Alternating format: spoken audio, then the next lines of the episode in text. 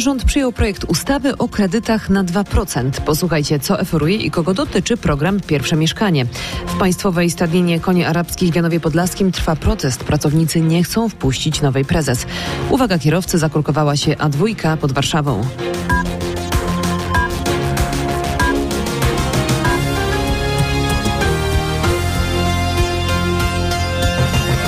Rząd przyjął projekt ustawy o tanich kredytach na zakup pierwszego mieszkania. Przez 10 lat oprocentowanie takiego kredytu będzie wynosiło jedynie 2%. Wnioski będzie można składać od 1 lipca. Krzysztof Berenda zna szczegóły. Krzysztof, Witam, co zrobić, żeby skorzystać z tego kredytu? Przede wszystkim trzeba mieć nie więcej niż 45 lat. W przypadku małżeństw wystarczy, że chociaż jedna osoba spełnia ten warunek. Po drugie, musimy pamiętać, że taki kredyt dostaniemy tylko na pierwsze w życiu mieszkanie. Trzeci warunek to limit kwotowy. Osoba samotna będzie mogła w ten sposób pożyczyć maksymalnie 500 tysięcy złotych, a w przypadku małżeństw lub osób z co najmniej jednym dzieckiem e, to będzie 600 tysięcy. To jest dobry pomysł, tak mówią eksperci, ale dodają, że powinno to zostać uzupełnione masową budową mieszkań na wynajem. Miasta powinny zdecydowanie więcej inwestować w mieszkania socjalnie, zdecydowanie więcej, czyli takie mieszkania, które no, są bardzo tanie dla tych, którzy naprawdę albo nie mają, albo ich nie stać. Tak mówi Dariusz Blocher z Budimexu. A cała rozmowa z ekspertem jest już na rmf24.pl. Reporterzy RMFFM najbliżej faktów. W Stadninie Koni w Janowie Podlaskim trwa protest pracowników. Nie zgadzają się z powołaniem przez Krajowy Ośrodek Wsparcia Rolnictwa nowej prezes Stadniny Hanny Sztuki. Chcą rozmów lub powołania na to stanowisko dotychczasowego zastępcy prezesa. Na miejscu w Janowie Podlaskim jest nasz wóz satelitarny i dziennikarz Maciej Sztykiel, z którym się łączymy. Mm, Maćku, czy Tak jest, jest szansa na rozwiązanie tej sytuacji?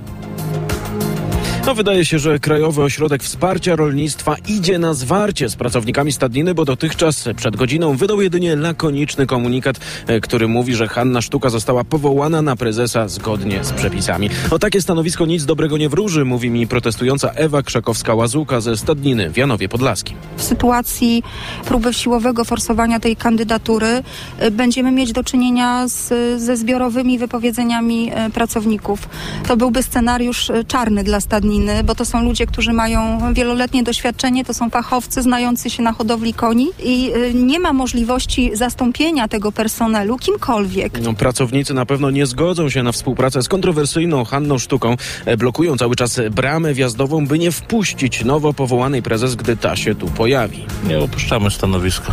Mają wsparcie lokalnej społeczności, ale też stadniny w Michałowie, gdzie wcześniej pracowała Hanna Sztuka, no co mówi samo za siebie. Do tego tematu będziemy wracać jeszcze w faktach. A teraz uwaga kierowcy. Około 7 kilometrów ma korek na A2 między Pruszkowym a Grodziskiem. W pobliżu Biskupic paliła się ciężarówka. Z powodu działania służb zablokowany jest jeden pas w stronę Łodzi. Sześciu polskich skoczków powalczy o kolejne punkty w cyklu Row Air. Dzisiaj konkurs w norweskim Lillehammer. W faktach teraz z nami Wojciech Marczyk z redakcji sportowej RMFFM.